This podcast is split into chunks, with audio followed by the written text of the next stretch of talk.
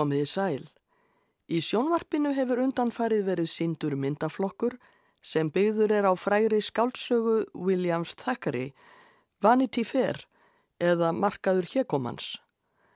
Tónsmíðin sem leikin var hér á undan heitir einmitt Vanity Fair og er eftir breska tónskáldið Anthony Collins sem fættist 1893 og lést 1963. Ekki er ólíklegt að tónverkið vísi til skálsöguð þakkareis því hún gerist á Napoleons tímanum, skömmu eftir aldamótin 1800 og tónlistinn ber nokkun keim af þeim danslögum sem þá týðkuðust. Í þessum þætti verða flutt nokkur tónverk sem snúast um hégóma eða markaðstorg hégómans. En hvaðan fekk þakkari hugmyndina að titli skálsögunar markaður hégómans? Hún kom úr annari skálsögu, För Pílagrímsins, The Pilgrim's Progress, eftir 17. aldar höfundin John Bunyan. Bunyan var mjög trúaður og sagan För Pílagrímsins er táktsaga um þær frestingar sem kristin maður þarf að mati höfundar að standast til þess að komast til himnaríkis eftir dauðan. Bunyan líkir lífi kristins manns við ferðalag. Í sögunni leggur pílagrímurinn Kristinn af stað frá Glötunarborg til Himnaríkis. För hans er líst eins og raunverulegu ferðalagi yfir landslag en á leiðinni þarf Kristinn að berjast við marga óvinni og fristingar. Meðal annars þarf hann að fara í gegnum Hegómaborg þar sem hegómamarkaðurinn stendur. Frásögnin um hegómaborg hefst þannig í þýðingu doktors Eiríks Magnússonar. Sú borg hétt hegómi þar er kaupstefna haldinn, er kölluð er hegóma kaupstefna og stendur ár og dag út. Hún drefur nafnað því að borgin þar sem hún er haldinn er léttari en hegómi og líka af því að allt sem selt er þar og þangað flist er hegómi. Eins og spekingurinn segir, allt sem kemur er hegómi. Þegar Kristinn og félagi hans, Trúr, koma í borgina, eru þeir spurðir hvað þeir vilji kaupa. Þeir segjast aðeins vilja kaupa sannleikan. Þá verða kaupsíslumennir á hegómatorki æfa reyðir og kæra þá félaga fyrir yfirvöldunum. Þeir eru settir í fangelsi og dæmdir til dauða. Trúr er lífláttinn en kristni tekst með naumyndum að sleppa. Breska tónskaldið Ralph Vaughan Williams samti óperu sem byggð var á sögunni og var hún frumflutt árið 1951. Roderick Williams syngur nú sönginum markaðstork Hegomans, The Song of Vanity Fair, úr óperu Vaughan Williams í útsetningu fyrir söngrödd og piano. Ian Burnside leikur á pianoið.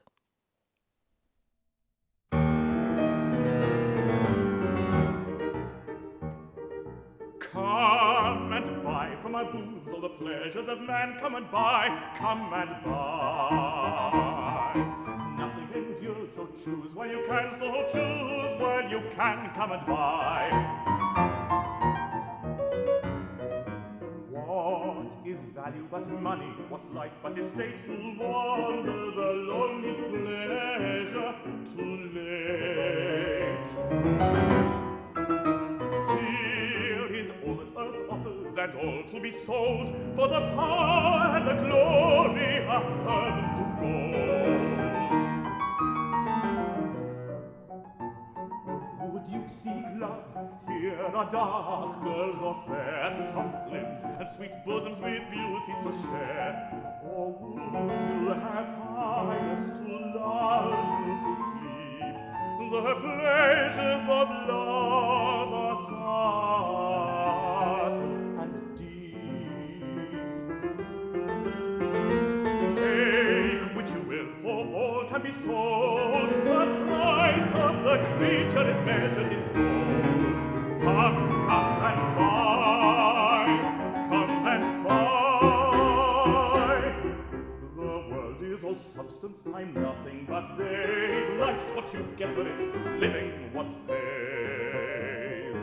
can spend while your money can buy what we sell. All things discovered since Adam first fell. They'll spread for your choice, the new and the old have always been valued and paid for in gold.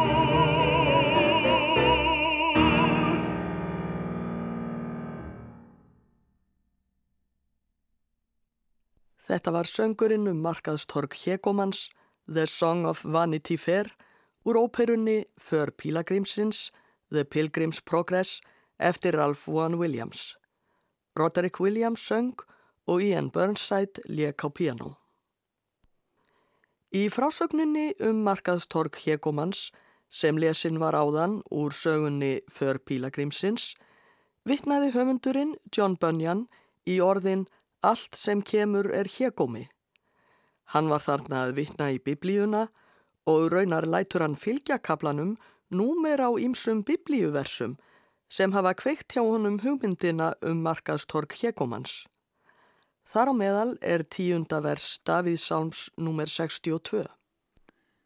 Hegómin einn eru mennirnir, tál eru mannana börn. Á metaskálunum liftast þeir upp, einber hegómi eru þeir allir saman. Engum hefur þó Bönjan fengið hugmynd sína frá frægum orðum sem standa í þeim kabla biblíunar er predikarinn nefnist og á að vera samin af hinnum vitra Salomon konungi. Þar segir til dæmis í fyrsta kapitula. Auðmasti hegómi, segir predikarinn. Auðmasti hegómi, Allt er hégómi. Hvaða ávinning hefur maðurinn af öllu streyti sínu er hann streytist við undir sólinni? Og í öðrum kapitula predikaran segir En er ég leit á öll verk mín, þau er hendur mínar höfðu unnið og á þá fyrirhöfn er ég hafði haft fyrir að gjöra þau, þá sá ég að allt var hégómi og eftir sókn eftir vindi og að engin ávinningur er til undir sólinni. Kjarni hugmyndarinnar, bæði í Davíðsálmum og hjá predikaranum, er að allt sé hégómi nema Guð. Ekki hafa þó allir verið sáttir við þennan bóðskap.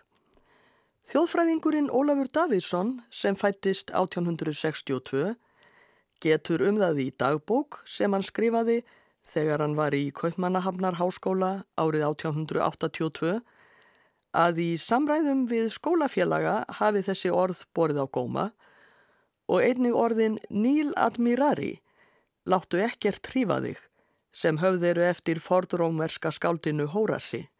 Ólafur segir. Seinast kom Sveinbjörn með það að allt væri hégómi undir sólinni, eins og Salomón hefði sagt. Þetta og Níl Admirari, hans Hórasar heitins, væru uppáhald setningar sínar. Aftur held ég því fram að þessar setningar væru báðar óskup vittlausar. Það góða, fagra og sanna væri alls ekki hégómi og sá eitt geti fallist á setningu Hórasar sem væri tilfinningalös og kaldur en í slíkt væri ekkert varð. Þó að Ólafi Davíðsinni þætti ekki mikið til hegómaræðu predikarans koma, hafa ýmsir listamenn hrifist að henni, meðal annars 17. aldar tónskáldið Kaspar Förster sem samti upp úr henni tónverk Vanitas Vanitatum, auðmasti hegómi. Förster var þýskur, fættur 1616 og dó 1673. Sönghópurinn La Capella Ducale flytur nú verk Försters, Vanitas Vanitatum, með hljómsveitinni Musica Fiatag í Köln, stjórnandi er Roland Wilson.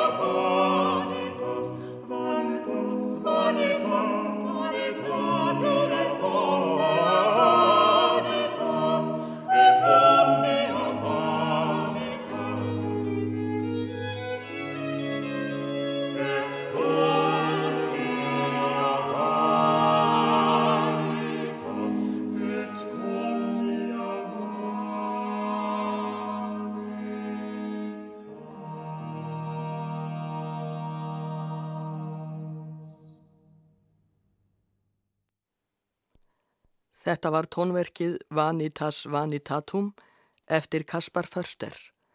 Söngkópurinn La Capella Ducale flutti verkið með hljómsveitinni Musica Fiata í Köln, Roland Wilson stjórnaði.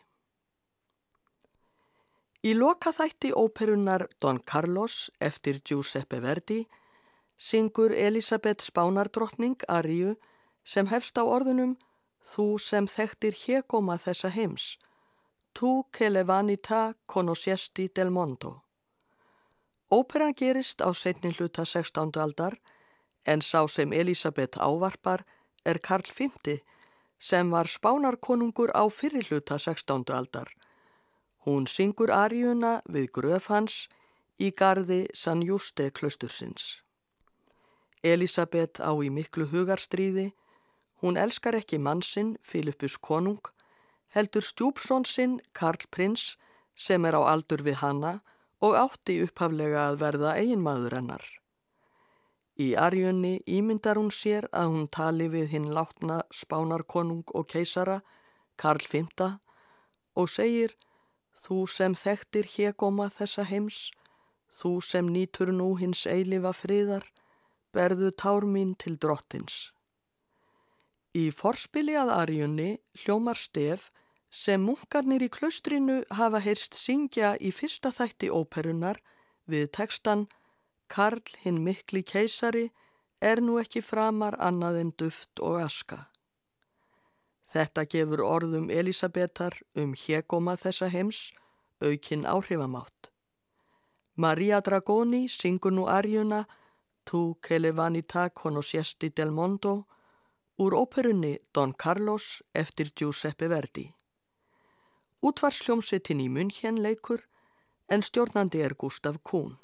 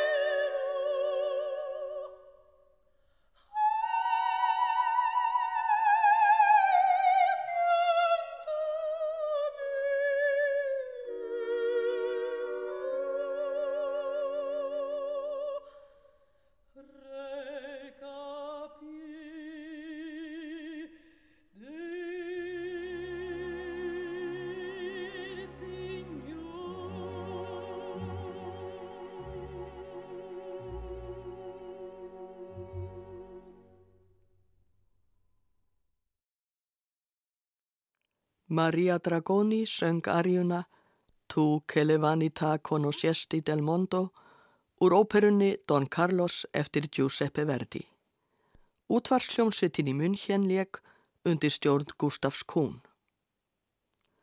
Árið 1652 kom út á prenti sálmurinn Ach vi flykti, ach vi nýtti og var bæði ljóð og lag eftir þýska sálmaskáldið Mikael Frank en hann hafi byggt sálmin á orðum predikarans um Hjegomann.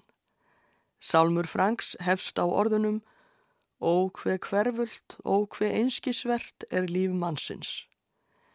Í setni erindunum bendir skáldi á það að ekkert sé varanlegt í þessum heimi, hvorki gleði, fegurð, afl, heiður, auður, niður annað mannlegt, allt getur maður mist og því er hið eina rétta að snúa sér til Guðs. Jóhann Sebastian Bach byggði kantötu á þessum sálmi Franks. Það er kantata B226, Ach vi flutti, ach vi nýtti, sem var frumflutt árið 1724. Við heyrum nú tvo fyrstu kabla kantötunar.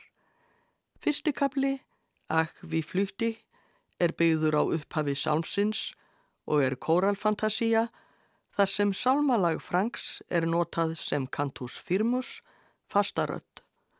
Þar á eftir kemur tenorarían Svo snell ein rásjend vasser, þar sem mannslífinu er líkt við rennandi vatn sem streymir hratt áfram. Í tónlistinni líkir bakk eftir ströymi vatsins.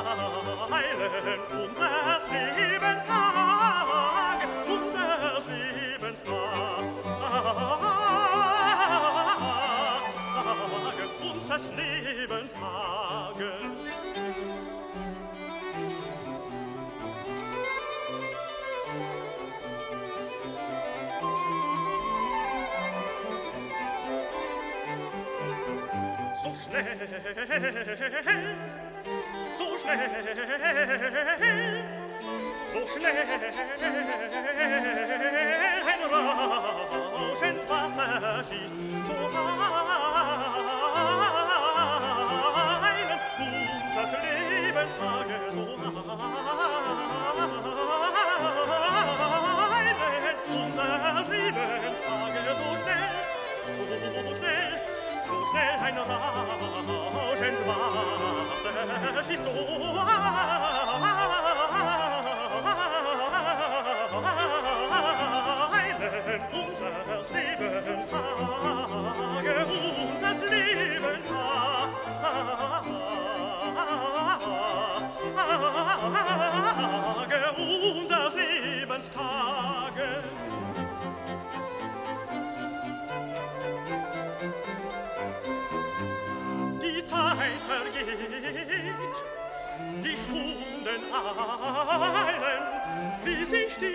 Tropfen plötzlich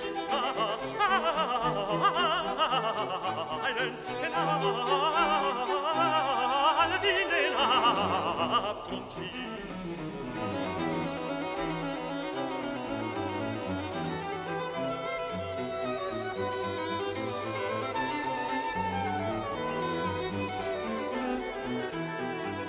Die Zeit vergeht, die Stunden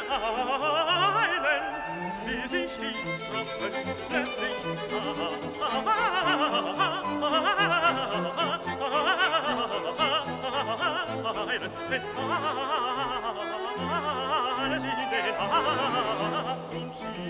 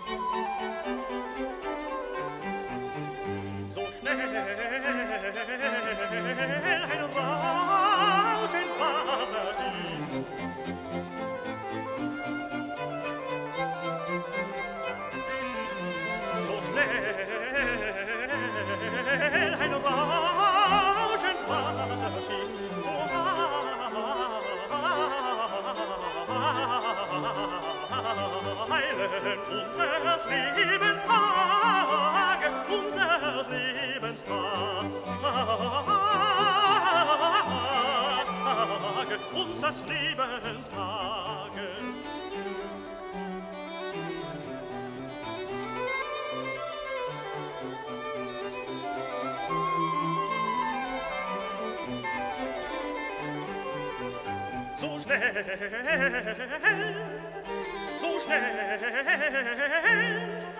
so schnell, ein rauschend Wasser schießt so ein, unseres Lebenstage so ein, unseres Lebenstage so schnell, so schnell, ein rauschend Wasser schießt zu.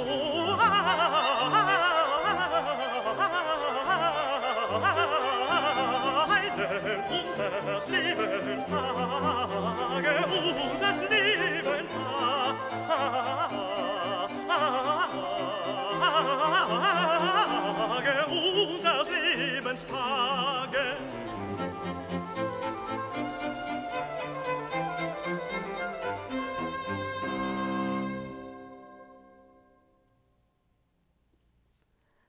Þetta voru fyrstu tveir kablar kantötunnar Ach við flykti, Ach við nýtti, B226 eftir Jóhann Sebastian Bach.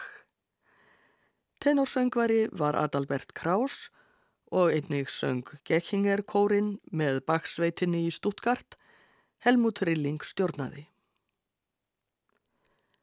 Árið 2005 kom út platan Chaos and Creation in the Backyard með Paul McCartney en eitt af lögunum þar heitir Riding to Vanity Fair. Í söngtekstanum ásakar höfundur einhvern sem hann segir að hafi ekki verið sannur vinur, hann hafi tekið markaðstork hjekomanns fram yfir vináttuna og komið íllað fram við sig. Ímsar getgáttur hafa komið fram um það við hvern McCartney sé að tala í tekstanum. Hafa sömur haldið því fram að hann eigi við heðer fyrverandi konu sína en því hefur McCartney neytað í viðtali.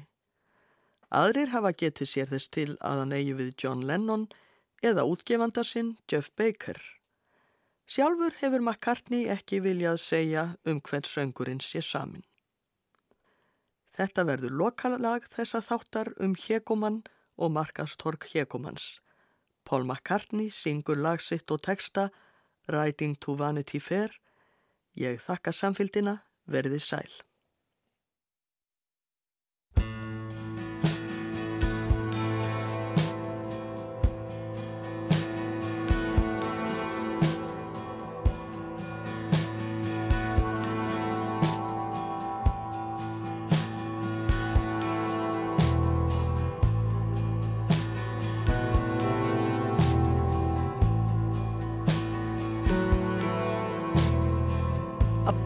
Tongue. I never talk too much. I tried to be so strong.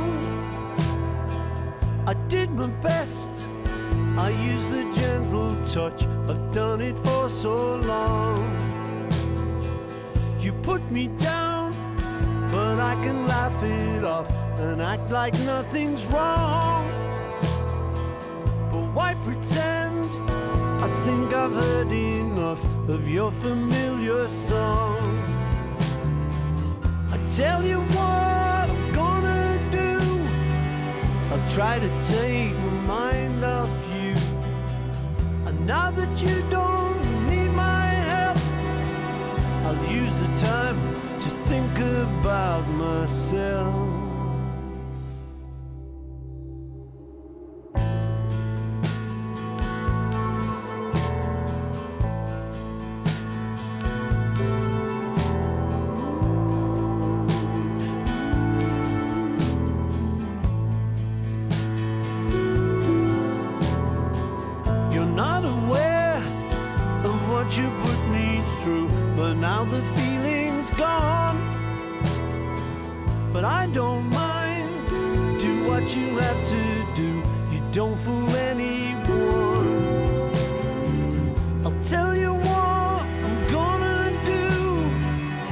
take a different point of view.